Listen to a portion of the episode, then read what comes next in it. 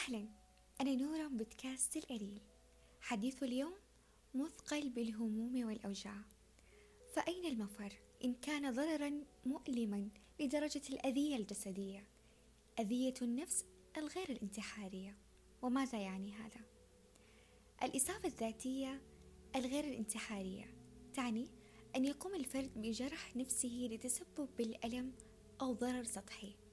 وليس المقصود منه الموت.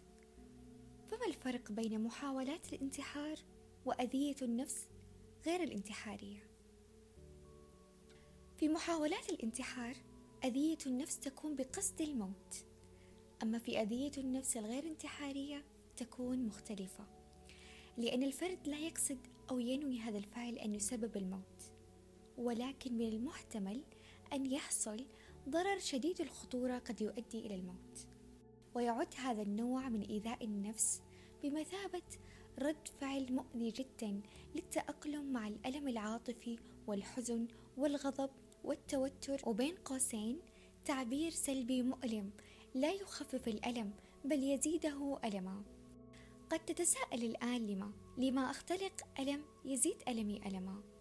إن إيذاء النفس قد يشعر الشخص بهدوء وزوال التوتر البدني والعاطفي لفترة قصيرة شعورا مؤقتا.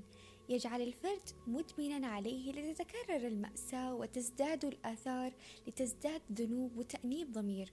فبعد زوال هذه الفرحة المؤقتة سيأتي الشعور بالذنب والخزي. وعودة المشاعر المؤلمة بقوة جنونية حتى يريد الفرد أن يهرب من واقعه بإيذائه لذاته لإيذاء الذات أشكال وآراض لذا أنا أتساءل الآن لما؟ هل هو بسبب ضعف مهارات التأقلم أم صعوبة التحكم في المشاعر أو الإلهام عن المشاعر المؤلمة من خلال الألم البدني أو محاولة الشعور بالسيطرة على الجسم أو المشاعر أو المواقف الحياتية أو الشعور بشيء أي شيء حتى لو كان الألم البدني عند الشعور بالفراغ العاطفي أو التعبير عن المشاعر الداخلية بطريقة خارجية قاسية أو نقل مشاعر التوتر أو الاكتئاب إلى العالم الخارجي وأخيرا معاقبة النفس لما؟ عند قيامك بجرح أو حرق نفسك ما الذي تعتقد أنك ستحصل عليه؟ راحة مؤقتة وندم طويل؟ أهذا الطريق الذي اخترته؟ أهذا الطريق الذي تمنيته؟ لا تقل لي أن هذا ما فعلته الحياة بك. أنت من فعلته بنفسك وأوصلتها لهذا الطريق المؤلم. وما بك يا إنسان؟ لما تقسو على نفسك وبيدك روح ثمينة.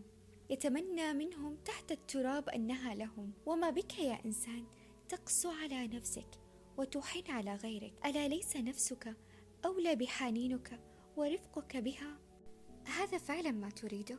راحة مؤقتة تدفع لأجلها بنفسك إلى التهلكة وبالطبع لم تخلق مشكلة بلا حل. فرفقا بنفسك فحن على روحك. ولو قليل إن كنت تريد أن تؤذي نفسك أو تفكر بهذا يرجى أن تبحث عن المساعدة سواء بالذهاب إلى الطبيب أو التحدث إلى شخص تثق به. لا لأن تنعزل فعزلتك ستهلكك. خاصة بهذا الوقت. افصح عن مخاوفك.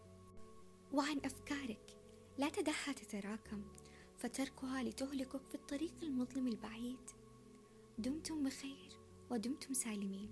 كانت معكم نورا بودكاست القليل بمعنى الأنين والشكر الخالص لفريق وإعداد القليل إلى اللقاء.